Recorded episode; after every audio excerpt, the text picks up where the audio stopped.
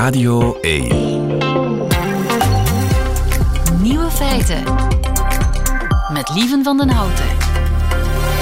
Dag en welkom bij de podcast van Nieuwe Feiten, geïnspireerd op de uitzending van 1 december 2022. In het nieuws vandaag dat er nog een tweede WK gespeeld is in Qatar. Het WK Mooiste Kameel. Waarbij het niet om des kamelens persoonlijkheid draait, maar om de grootte en de schoonheid van de kop, de neklengte en de bultpositie. Maar ook minder mooie exemplaren kunnen winnen. Zo is er een prijs voor de kameel die de meeste melk produceert. De totale pot bedraagt ongeveer 66 miljoen. En met zoveel geld op het spel zijn er ook valsspelers. Want bij een wedstrijd vorig jaar werden 43 kamelen gedisqualificeerd die botox hadden gebruikt. Waarbij ik mij afvraag, waar gaat die naald in? De andere nieuwe feiten vandaag. In Australië hebben therapeuten Freud zijn sofa de deur uitgegooid en vervangen door een fiets. In Spanje is fan van Franco zijn voortaan verboden. Wolven die besmet zijn met toxoplasmose maken bijna 50 keer meer kans om leider te worden van de roedel. En Rika Ponet beantwoordt de vraag van luisteraar Freya. De nieuwe feiten van Johannes Verschaven die hoort u in zijn middagjournaal. Veel plezier. Nieuwe feiten.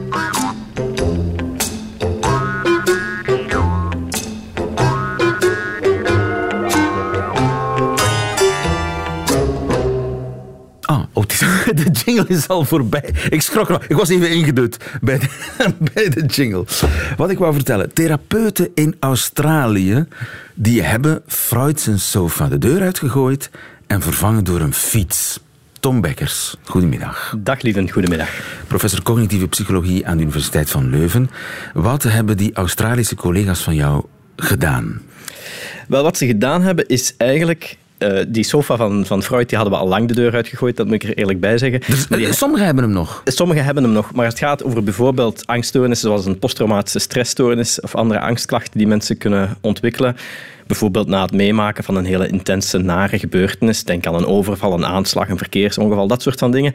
Eh, daar hebben we exposurebehandeling voor, dat eigenlijk, wel eigenlijk een heel effectieve behandeling Exposure is blootstellingstherapie. blootstellingstherapie. Ik zal er dadelijk wat meer over zeggen. Maar zij hebben ontdekt dat je die nog effectiever kan maken met behulp van een heel eenvoudige interventie.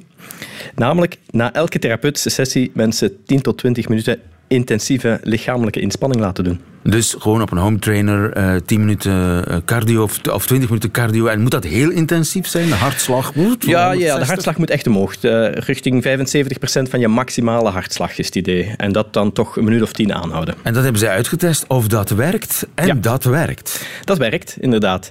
Dus om te beginnen bij die exposurebehandeling, hè, dat, is, dat, is, dat weten we al, dat is een van de meest effectieve vormen van psychotherapie die er bestaan. Zou in principe altijd de eerste keuze moeten zijn voor de behandeling van uiteenlopende vormen van angst, ook obsessief-compulsieve stoornissen, andere klachten. En dat komt er eigenlijk op neer dat je mensen aanmoedigt en helpt om datgene waar ze zo bang voor zijn of waar ze zo gespannen van worden, om dat niet uit de weg te gaan, wat natuurlijk altijd onze primaire impuls is, maar het net recht in de ogen te kijken, om de vermijding te doorbreken. Dus de, de spinnen komen op tafel als je angst voor spinnen hebt. Of- Bijvoorbeeld, of in het geval van eh, posttraumatische stressstoornis, ga je mensen vragen om, om net terug te denken aan die traumatische gebeurtenis onder begeleiding, terwijl hun instinctieve neiging net is om, om vooral zo hard mogelijk hun best te doen om er niet aan te denken. Ja, en, en wat gebeurt er dan als, als de, de situatie de traumatisch, als het trauma wordt opgeroepen? Wat, wordt, wat, wat gebeurt er dan? Wel, je gaat dus mensen helpen om, om eerst die stap te zetten, om, om toch die confrontatie aan te gaan.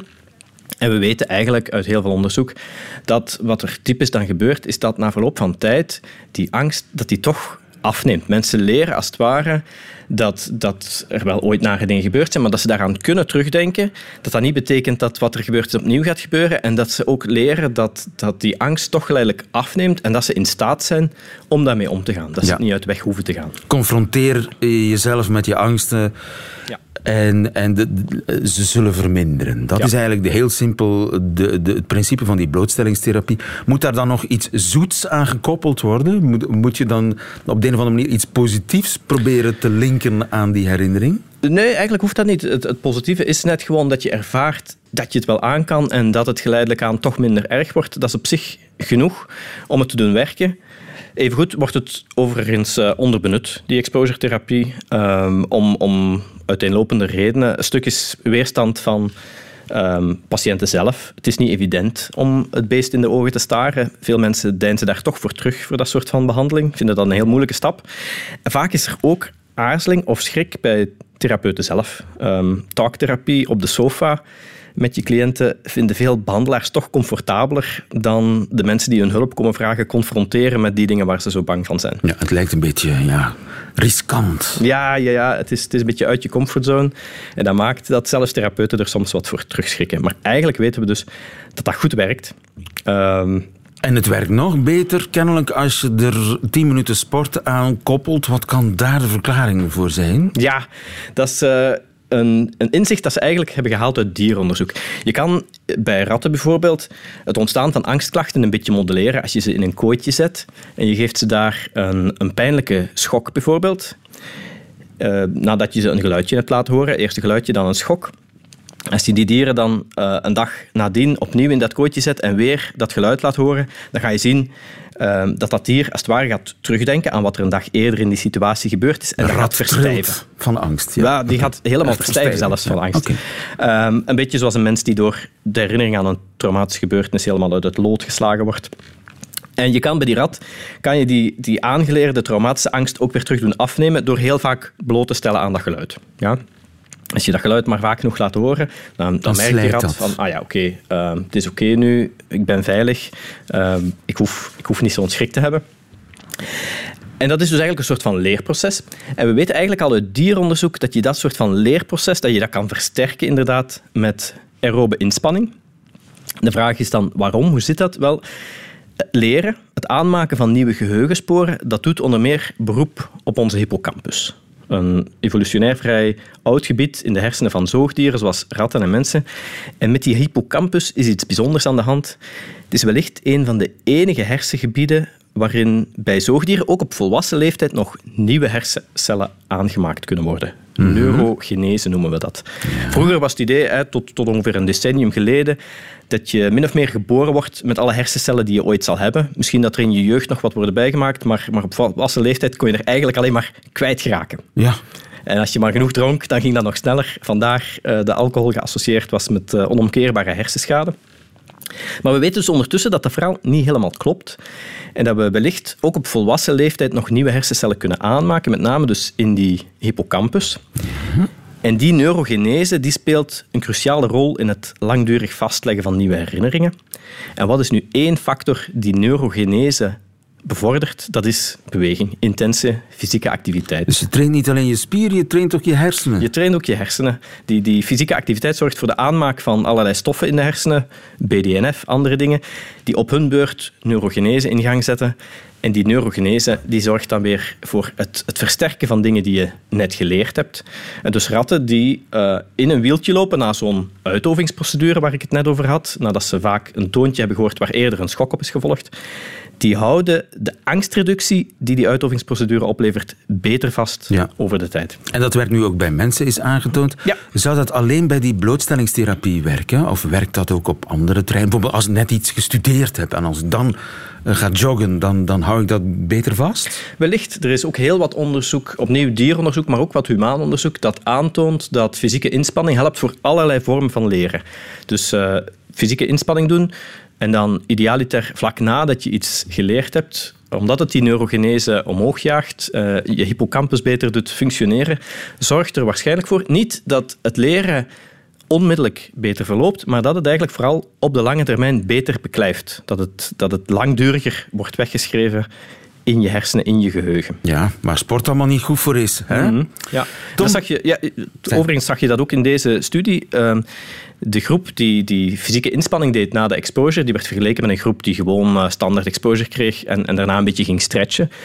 Initieel zag je dus hetzelfde behandelresultaat bij de twee groepen. Het was maar als je zes maanden later die twee groepen ging vergelijken, dat je zag dat het in de groep die iedere keer fysieke inspanning deed na de exposure, dat daar het behandelresultaat eigenlijk beter bekleefde. Ja, dus het, het werkt een beetje op langere termijn, het werkt niet onmiddellijk. Dat is het eigenlijk. Tom Bekkers, dankjewel. Goedemiddag. Graag gedaan. Vraag het aan Rika.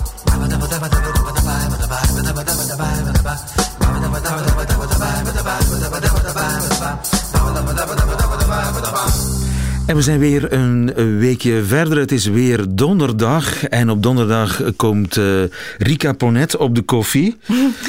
Goedemiddag, Rika. Goedemiddag. Rika, jij bent hier niet zomaar. Jij bent hier om de vragen en knopen en relationele, familiale dilemma's op te lossen van onze luisteraars. En een van die vragen komt van de 41-jarige Freya. Uh heb je er zin in? Uh, zeker, absoluut. Freya schrijft: Ik ben 15 jaar gehuwd. Mijn man en ik, wij hebben van bij aanvang beslist dat er geen kinderen zouden komen. Wij voelen ons erg goed bij die keuze en zijn blij met het leven dat we kunnen leiden. Op vakantie kiezen wij vaak voor een adults-only hotel. Ja. We houden van de rust die daar heerst. Nu is het zo dat de meeste koppels in onze vriendenkring opgroeiende kinderen hebben. Ik heb echt niets tegen kinderen, schrijft Freya, kan genieten van een namiddag uit met hen, maar ik heb het gevoel, als we met onze vrienden afspreken, dat het altijd samen met de kinderen moet. Op zo'n middagen of avonden komen we amper toe aan een volwassen conversatie. Die kinderen zuigen alle aandacht naar zich toe en vaak merk ik dat mijn vrienden daar volop in meegaan. Het betekent concreet dat het telkens alleen over kinderen gaat, over opvoeden en kinderzorgen. En het spijt me zeer, maar ik vind dat dodelijk saai. Ben ik nu asociaal en hoe kan ik ervoor zorgen dat daarin wat meer evenwicht komt? Mm Freya. Ik denk dat dat een beetje een maatschappelijke discussie is ook op dit moment. Is dat niet? Uh, zo die adults only en terrassen waar alleen maar nog... Uh, zijn er aan de kust ook niet zo'n aantal... Uh, ja, en is ja. daar discussie over of dat wel mag, of dat of wel dat kan? kan, ja, ah. ja, ja, ja. Wat, uh, wat vind jij daarvan, lieve? Ik vind prima. Als je niet gewoon bent om met opgroeiende, blijrende kinderen uh, ja, omgeven te worden, om daartussen te zitten, dan, dan ben je daar ook minder tegen bestand, denk ja. ik. Oké. Okay. Um, maar ja, daar gaat deze, deze de, brief niet over. Deze nee. brief gaat over mijn vrienden hebben Ja. andere prioriteiten dan ik, eigenlijk. Uh, een stuk. En ook, um, ja, ik denk dat mensen die geen kinderen hebben en daar dan bewust voor kiezen. Ja, er, aan beide kanten leeft er zo vandaag, vind ik toch, een, um, het is heel gepolariseerd. Leeft er zo een, uh, een heel erg clichébeeld van de andere kant. Uh, mensen met kinderen ja, zien dat vandaag misschien meer dan ooit als een invulling van hun leven, als een, uh, een, een vorm van persoonlijke ontwikkeling. En hebben dan een beeld van mensen zonder kinderen als, ja, als ze daar dan bewust voor kiezen, een beetje hedonistisch, ego egoïstisch, ja. egoïstisch, materialistisch, hè, dat soort beeld. Um, en uh, ja, ze weten niet wat ze missen. Hè, ja, dat, maar, dat uh, ook. Hè. Wat Freya beschrijft is geen uh, veronderstelling, dat is de realiteit. dat is de hè. realiteit, Ze komt op, ja. op bijeenkomsten en ze, en ze zit daar. Absoluut. En dat is omdat en dat hoort eigenlijk... er niet meer bij. Omdat dat niet besproken geraakt. Ja. En omdat beiden heel erg vanuit die polariserende gedachten verder doen met wat ze Mag ik eens iets heel stout zeggen? Kies andere Ja. vrienden. Ja. Ja, uh, ik Ja, maar bedoel, ze, Ja. ze, hebben, ze hebben duidelijk andere prioriteiten dan Ja. hun vrienden. En ooit zullen die kinderen wel opgegroeid zijn. En dan kan je er terug, terug mee afspreken. Ja? Ja, klopt. Uh, anderzijds... Uh, ik Spreek mij denk, tegen, hè? Maar... Ja, ik denk dat je toch perfect kan verwachten op uh, avondfeestjes bijvoorbeeld dat mensen zonder kinderen komen. Ah, ik zou dat totaal geen probleem vinden. Uh, mocht uh, mij een stel uitnodigen en aangeven, we doen het zonder kinderen, want we willen het eens op een Maar heel andere vaak manier. op die bijeenkomsten, ook al zijn de kinderen Ja. niet, de gesprekken gaan ook over de kinderen. gaan ze er ook weer over. En het, ja, spreek het ook af dat het een thema is wat niet aan bod mag komen, dat lijkt mij. Um, Is dat mogelijk? Kun je dat vragen? Um, nee, maar ik, ik heb nu zelf twee kinderen, maar ik heb er lang geen gehad. Ik was, nee, dus, uh, ik was 39 toen ik mijn kinderen kreeg. En ik heb dat uh, de periode daarvoor ook vaak ervaren. Ook zeer kwetsende opmerkingen krijg je daarover. Hè, van ja, jij vindt jouw carrière belangrijk, zoiets. Hè. Dan denk je van oké, afgeschreven ben ik. Ik ging dan vaak bij de mannen staan op feestjes. Die doen dat veel minder, was mijn gevoel. Vrouwen hebben het alleen over ja, die baby's. En, um, nu, ik heb ook wel geleerd om dat uit te spreken. En ik denk dat dat erg belangrijk is. Eén, ehm, om uh, opnieuw niet iemand in, ja, in ik, ik, wat ik nu niet doe of niet meer doe, is um, en veel minder doe sinds ik kinderen heb, um, er automatisch één van uitgaan dat dat interessant thema is voor degene met wie ik afspreek. Ik denk dat dat een heel belangrijk aandachtspunt is voor mensen met kinderen. En aan de andere kant, want dan heb ik wel wat als gevoel bij die vraag, daar wou ik naartoe. Het is alsof dat ze zich wat schuldig voelt. Hè. Ik, ben ik nu asociaal? Moet ik kinderen leuk vinden? Ik vind dat helemaal niet. Hè. Um, ik vond kinderen ook heel lang niet leuk. En tot op vandaag, op veel momenten vind ik ze nog niet leuk. Ik heb er zelf twee. Uh, ik vind dat inderdaad soms een drukte van je welste. Um, ben vaak ook blij als ze er even niet bij zijn. Ik vind het contact met een vriendin ook helemaal anders als ze er niet bij zijn. Durven we dat benoemen? Durven we het daarover hebben? Hè? Dat lijkt mij vandaag al een hele grote moeilijkheid, ook bij ouders. Hè? We durven erkennen dat kinderen niet op elk moment leuk zijn en niet op elk moment een vorm van zelfontplooiing zijn. Dus wat ik haar zou aanraden, geef gerust een feestje waarop je aangeeft, niet zozeer kinderen zijn niet welkom, want het gaat er altijd weer over hoe formuleer je het. Hè? Als je aangeeft, jouw kinderen zijn niet welkom, dan wijs je eigenlijk iemand af in het feit dat die persoon kinderen heeft en dat heel belangrijk vindt in zijn leven. Je kan aangeven, ik mis jullie, zoals wij elkaar kenden voor er kinderen waren, de vriendschap die wij hadden, de onderwerpen waarover we het hadden. En ik wil eigenlijk nog eens opnieuw zo'n avond, pre-kinderavond. En weet je, ik ben er bijna zeker van dat je veel koppels ook een plezier doet als je het doet. En waarom? Binnen koppels zijn daar vaak ook discussies over. De ene wil de kinderen overal mee naartoe nemen, de andere wil eens vaker iets doen zonder de kinderen. En meestal is degene die de kinderen overal mee naartoe wil nemen, de meest dominante partij die het ook doorgevoerd krijgt dat die kinderen overal mee naartoe gaan. En de andere zal je waarschijnlijk heel dankbaar zijn als er eens een reden is of een duidelijke afspraak is. De kinderen kunnen niet mee, we zoeken een oppas en we kunnen eens met z'n tweeën vrij naar een feestje zonder kinderen. Maar dus Vrij heeft zich van alles voorgesteld dat misschien niet eens zo is. Zo is. Daar gaat het altijd over. We denken of we beelden ons heel veel dingen in. En um, we denken dat de anderen zich zal afgewezen voelen. We denken dat uh, de anderen alleen maar geïnteresseerd zijn in die kinderen.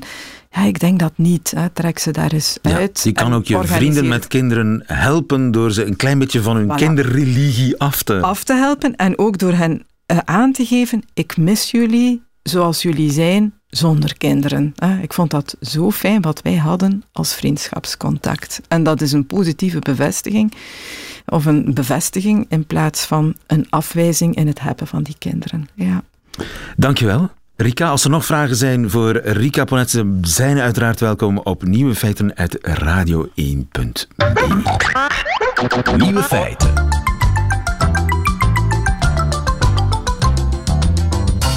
Fan zijn van Franco, dat doe je in Spanje voortaan in stilte. Sven Duitens, goedemiddag. Goedemiddag. Auteur van het boek Groeten uit Spanje. Lange tijd ook correspondent Spanje voor de VRT. Uh, je hebt lang in Madrid gewoond. Wat mag er allemaal niet meer? Maar er mag heel wat niet meer. Hè. Er is een nieuwe wet gestemd in het Spaans parlement. Die dus uh, ja, een wet op het historisch geheugen. Die zegt dat de dictatuur van Franco nu illegaal verklaard is. Dat wil zeggen, alle verenigingen die dus uh, het frankisme ophemelen, ja, die gaan afgeschaft worden. En zo zijn er nogal wat. Zo zijn er heel wat. Zo zijn er heel wat. Er is zelf een, eh, een, eh, een vereniging, een Franco-vereniging, die hebben een eigen archief. En die eh, vieren ieder jaar de verjaardag van Franco, dus de dictator die geregeerd heeft over Spanje van 1939 tot 1975. En dus die, die organisatie mag geen vieringen meer organiseren of mag zelfs niet meer bestaan, moet worden opgedoekt. Hoe zit het? De bedoeling van de, van de wet is eigenlijk een einde te maken aan het uh, ophemelen van het uh, fascisme het frankisme. En er zijn een hele reeks maatregelen genomen om dat dus uh, te verbieden, waaronder het afschaffen van deze verenigingen, maar ook de mensen die uh, tijdens de periode van Franco adellijke titels hebben gekregen. Wel, al die adellijke titels die worden afgenomen. En dan een van, een van de belangrijkere zaken is... Uh, in Spanje liggen er nog altijd meer dan 115.000 mensen onder de grond, slachtoffers van de Franco-repressie.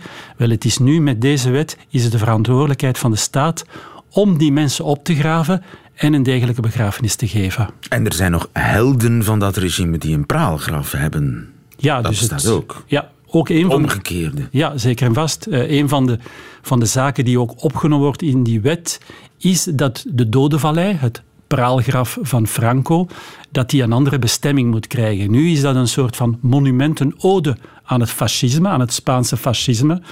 Mensen gaan daar op bezoek. Maar Franco zelf ligt daar niet meer, hè? Franco is verhuisd. Dat is eigenlijk, maar zijn adjudanten? Maar Primo de Rivera, de oprichter van de Spaanse Falange, die ligt daar nog altijd en die moet dus ook vertrekken. En dat is dus een groot probleem voor Spaanse extreem rechts, want voor hen is dat een soort van halfgod. Ja.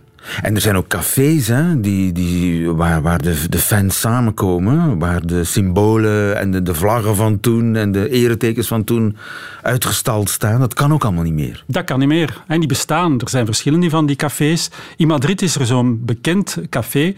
Dat heet Uno e Grande, één en groot. Dat is eigenlijk de slogan van, de fascisme, van het fascisme, is uh, Spanje één en groot. Eén er is maar één Spanje, dus dat is ook een duidelijke boodschap naar de Catalanen en de Basken toe, die willen afscheiden. Maar er is dus een café inderdaad in Usera, een populaire wijk in Madrid, waar dat dus uh, het portret van Franco hangt en waar dat er dus Franco-wijn geschonken wordt. Hè. Dus die hebben een speciale Franco-wijn? Ja, Franco-wijn. Die mag ook niet meer gedronken worden? Die, ja, dat, dat zijn symbolen die moeten verdwijnen. Dat is dus uh, binnenkort tegen de wet. Zal iedereen gedwee die wet volgen? Nee, zeker niet. En het is ook heel moeilijk geweest om die wet erdoor te krijgen in het Spaans parlement. De conservatieve partijen zoals Partido Popular, eh, Ciudadanos, wat eigenlijk een liberale partij is, maar ook het extreemrechtse Vox, die hebben gezegd van zodra wij aan de macht zijn, gaan we die wet schrappen. Die hebben nu al gezegd. En de kans is groot als er opnieuw verkiezingen komen, dat er een coalitie komt, een rechtse coalitie van Partido Popular samen met het extreemrechtse Vox, die eigenlijk uw mosterd gaan halen uit die periode van het Frankisme. Ja, en dat weten die Franco-fans, dus die gaan nu zich misschien een beetje koest houden, eventueel ondergronds gaan. Maar die gaan niet zeggen, oké, als het zo zit, dan stoppen we met fan zijn van Franco. De zaak is nu, hoe gaan ze die wet toepassen? Er is al een wet van 2007 en toen werd er beslist dat alle straatnamen die verwezen naar het Frankisme moesten weggehaald worden. Wel, vandaag heb je nog altijd Frankistische straatnamen, dus die wet is niet nageleefd, want het zijn op bepaalde plaatsen burgemeesters die die wet moeten uitvoeren. Als je een burgemeester hebt van rechts of van extreem rechts, dan laat hij die wet gewoon naast zich liggen en uh, negeert die dus. Dus het feit dat het café zelf gesloten gaat worden, is nog een vraag of dat de regering zo ver gaat gaan om, uh, om alles op te doeken. Maar de wet bestaat er. Ja, 35 jaar is Franco aan de macht geweest ongeveer, denk, van 39 tot aan zijn dood in, wat was het, 74? 75. 75. Uh, hoe vredaardig was dat regime? Wel, dat was een heel vredaardig regime. Dus een regime dat er eigenlijk, uh, ja, als de oorlog voorbij was, heeft Franco een, een heel zware repressie uitgevoerd. Dus iedereen die dus uh, voor de republiek was, uh, die werd veroordeeld. Uh, op een bepaald moment zaten er 400.000 Spanjaarden in concentratiekampen. al die mensen zijn veroordeeld geweest door lichte of zware straffen. En de zware straffen was het executiepeloton. En dat zijn die meer dan 115.000 mensen die nog altijd in massagraven liggen. Er wordt vandaag nog altijd gezegd dat na het regime van Pol Pot eh, dat het regime van Franco eigenlijk het meeste executies heeft uitgevoerd op eigen bevolking. Hoe verklaar je dan die fans? Wel, die fans je mag niet vergeten, in Spanje wordt er iets, bestaat er zoiets als het sociologisch frankisme. Bijna 40 jaar frankisme. Dat is een regime die heeft eigenlijk tijd gehad om een deel van de bevolking te brainwashen. En je hebt heel veel oudere mensen die ja, die jong waren tijdens die Frankistische periode, die eigenlijk vergeten zijn hoe hard het regime was en die alleen maar denken aan de laatste periode van het Frankisme. De laatste periode van het Frankisme is de jaren, eind jaren 60 en 70, waardoor een een periode was van economische bloei, het toerisme, uh, Spanje begon te moderniseren. Die periode hebben ze gekend en toen zeggen, ja, dat, is, dat was eigenlijk een mooie... Goede oude tijd. Ja, maar ze vergeten die eerste periode, jaren, jaren 40, jaren 50, repressie, hongersnood en eigenlijk het verbod op politieke partijen. Tijdens de Franco-periode was er maar één partij, dat was de Falangistische Partij. En die bestaat vandaag nog altijd. En is er ooit een proces geweest om heel dat regime ja, door te lichten en, en te veroordelen? Wel, dat is het, grootste, het grote verschil met Nazi-Duitsland over het Italië van Mussolini. Daar zijn processen geweest. Dat is veroordeeld. Het fascisme is veroordeeld. In Spanje is er nooit een proces geweest. Wat is er Dus- dan wel? Gewoon, laten, we, laten we de bladzijde omdraaien, Ja, vergeten, dat, we gaan dat is eigenlijk wat er gebeurd is tijdens de overgangsperiode van dictatuur naar democratie. Had je nog altijd een dictatuur die heel sterk stond. Zelf na de dood van Franco waren er nog altijd generaals die heel veel macht hadden. En die hebben gezegd, wij geven, eh, wij geven democratie een kans op voorwaarde dat er geen veroordelingen zijn. We gaan gewoon zwijgen over het verleden. En dat is eigenlijk wat heel lang gebeurd is. Ja, Een ik soort me zelfs nog een soort van staatsgreep in 1980. Ja, dat was eigenlijk die stuiptrekkingen Ja. van die Frankisten. Die zeiden, ja, wij moeten eigenlijk terug naar die oude periode. En die hebben echt geprobeerd om dus die democratie eh, klein te krijgen met een staatsgreep. En hoe sterk staan die aanhangers van Franco vandaag de dag? Is dat iets marginaals of is dat toch nog iets dat eigenlijk vrij mainstream is? Wel, de Spaanse falange die was tot voor kort heel marginaal. Maar als je nu kijkt, je hebt nu een extreemrechtse partij, Vox. En dat is een partij die in bepaalde regio's aan de macht is, zoals in Andalusië zitten die in de regering, Murcia zit in de regering. Die hebben ook verschillende eh, besturen van gemeentes en steden.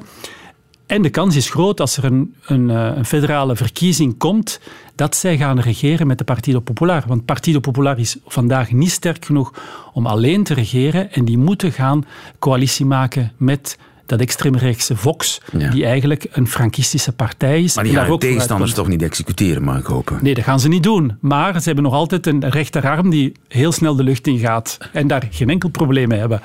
Helder, dankjewel. Sven Tuitens, goedemiddag. Graag gedaan.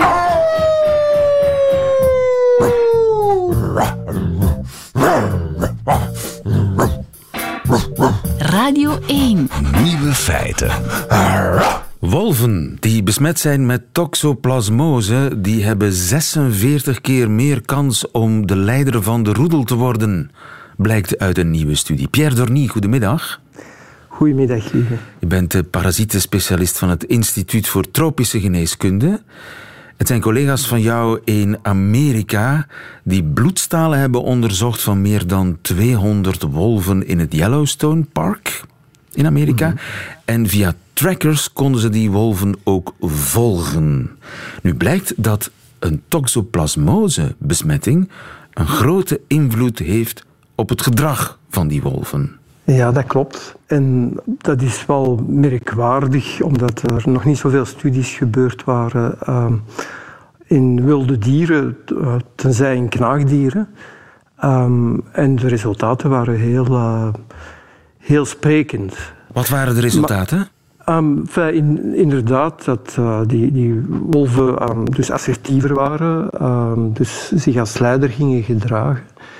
En ook dat er eh, meer jonge wolven die eh, besmet waren, eh, uit de roedel trokken en een, een nieuwe roedel gingen stichten. Ja. Dus ze werden assertiever van een toxoplasmose-besmetting. Ja, ja, ja. Maar dat is in feite niet zo een nieuwe bevinding onder dieren en, en ook bij de mens. Bestaat al on- ongeveer 50 jaar onderzoek op eh, gedragswijzigingen veroorzaakt door die parasiet. En ehm, vooral bij knaagdieren is, is kunnen aangetoond worden dat eh, die parasiet eigenlijk het brein van die dieren een beetje manipuleert. ehm, met eigenlijk als hoofdbedoeling dat eh, die parasiet gemakkelijker wordt overgedragen. Bijvoorbeeld bij ratten is aangetoond dat die ratten normalerwijze een, een niet besmette rat uh, gaat eigenlijk de aanwezigheid van een kat vermijden. Vooral de geur van urine uh, werkt eigenlijk afstotend voor, voor ratten, zodat die niet in de buurt van uh, katten kunnen komen. En katten zijn eigenlijk de, de eindgastheer van, van toxoplasma. En besmette uh, ratten die worden juist aangetrokken door die urine, waardoor ze gemakkelijker gepredateerd worden door, uh, door katten en de cyclus kan verder gezet worden. Ah ja, dus het uiteindelijke doel van die parasiet is bij die kat geraken. Bij die kat geraken. En enfin, dat is één voorbeeld van, van een, wat men noemt manipulatie-hypothese. Dat dus een, een parasiet eigenlijk uh, het gedrag van zijn gastheer gaat wijzigen om uh, de transmissie te, te verbeteren. Komt te vaak voor, hè, toxoplasmose? Ja, dat is een heel veel voorkomende parasiet. Uh, men zegt soms dat dat het meest succesrijke parasiet is uh, van, van de wereld. En men schat dat ongeveer een derde van de wereldbevolking uh, besmet is. Een derde van de wereldbevolking is besmet, ja, ook bij ons, ja. in, in België? Ook bij ons. Ja, ja, ja. België was eigenlijk een een land in Europa waar de besmettingsgraad het hoogste was. Nu, er is wel een daling de, de laatste twintig jaar door een hoop maatregelen. Maar uh, het is een heel veel voorkomende parasiet. En, ja. en het is hoe, zo dat krijg je dat dan? Um, wel, er zijn verschillende infectiewegen. Het uh, belangrijkste in, in Europa is door het eten van vlees. dat niet voldoende ja. gebakken is. Ja, ja enfin, het moet, mag zelfs gebakken zijn, maar temperatuur in het centrum van het vlees, als die niet uh, hoog genoeg is, kan die parasiet dat weerstaan. Maar wij kunnen ook besmet worden door de parasiet die in een bepaalde vorm aanwezig kan zijn in de uitwerpselen van, van katten. En die katten die kunnen dan het milieu besmetten en zo kunnen wij die parasiet binnenkrijgen, bijvoorbeeld door het eten van, van groenten, rauwe groenten ja. of fruit. En eh, wat zijn de symptomen van toxoplasmose? Wel, in de meeste gevallen weet men eigenlijk niet dat men besmet uh, is geworden. Dus 80% waarschijnlijk van de mensen die besmet worden, weten dat niet. En het is slechts in, in uh, een klein uh, percentage dat parasiet ernstig kan zijn. En dat is vooral bij mensen met een verminderd immuunsysteem, door ziekten of door medicatie. Of bij de ongeboren foetus. Dus een die parasiet kan via de placenta uh, de foetus bereiken wanneer een, een, een moeder uh, besmet wordt tijdens zwangerschap en als het om de eerste besmetting gaat van, ja. van die persoon. Maar in de meeste gevallen, zelfs al, al krijg je symptomen, zijn dat lichte symptomen? Lichte symptomen, soms lichte griepachtige ja. verschijnselen. Nu, dat, die invloed op het gedrag, is dat ook bij mensen ooit vastgesteld? Ja, er zijn heel veel studies gebeurd, vooral uh, door een groep uh, in Tsjechië. Um, en men heeft uh, grote studies op grote bevolkingsgroepen gedaan en al kunnen vaststellen dat het gedrag bij de mens ook roekelozer wordt. Dat um, mensen met toxoplasmose dat die een groter risico vertonen tot verkeersaccidenten.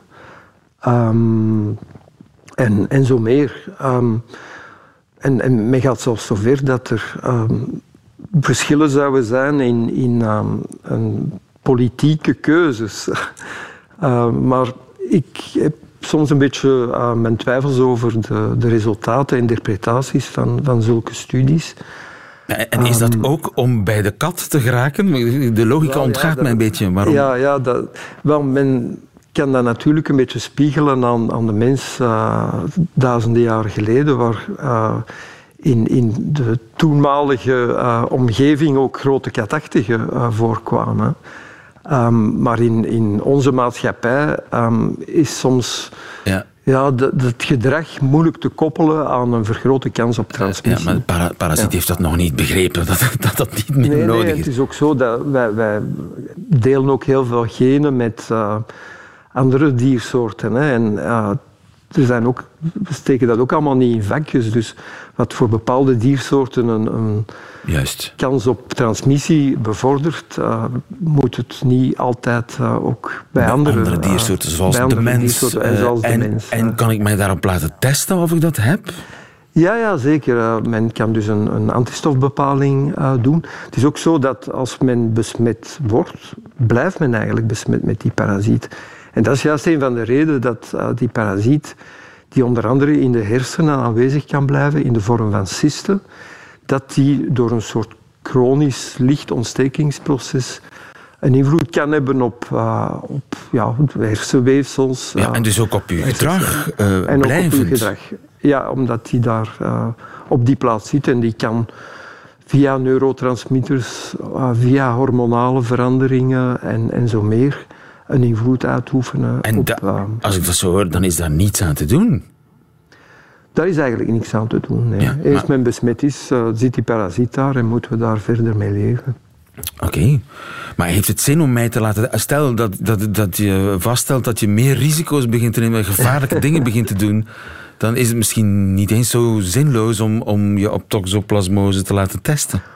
Ja, maar zoals uh, u zegt, er is eigenlijk niet veel aan te doen. Hè. Ja, ja. moet er gewoon Je kunt het beter niet weten.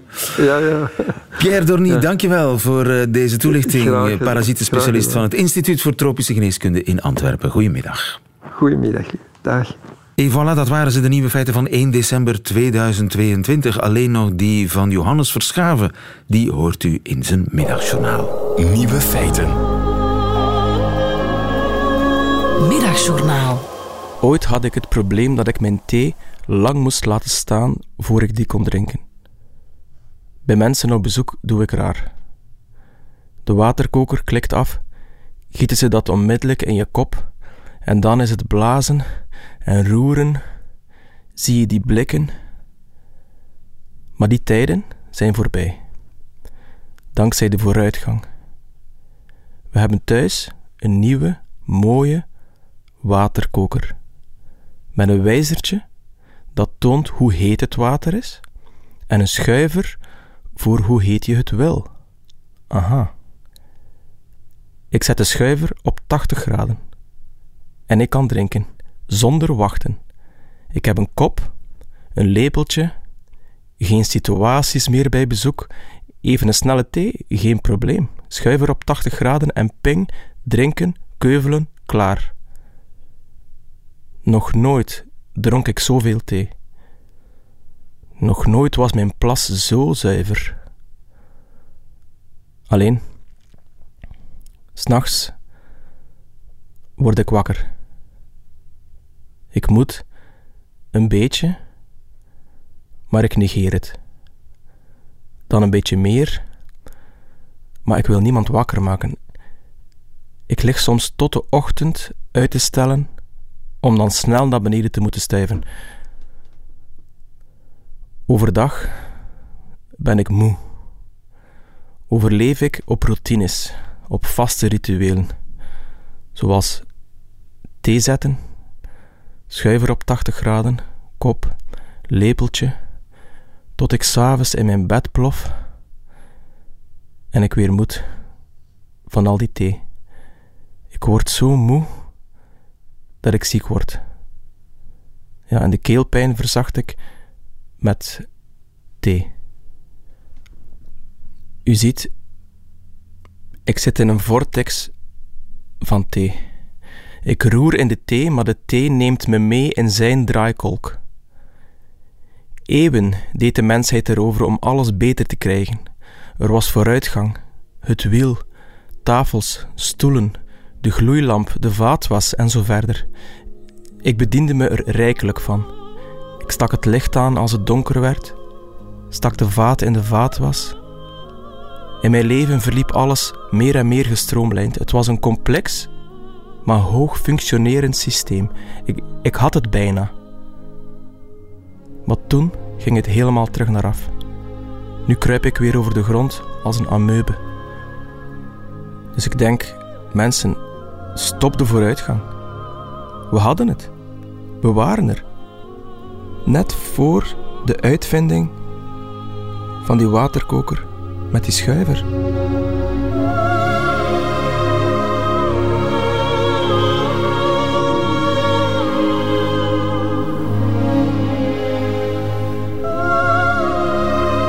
Gevloerd door een kopje thee dat dat een popster zoals Johannes Verschaven, vroeger bekend van de Vanjets, moet overkomen. Einde van deze podcast. Hoort u liever de volledige uitzending van Nieuwe Feiten met de muziek erbij? Dat kan natuurlijk live elke werkdag op Radio 1 uh, eh, tussen 12 en 1 of on demand via de Radio 1 app of website. Tot een volgende keer.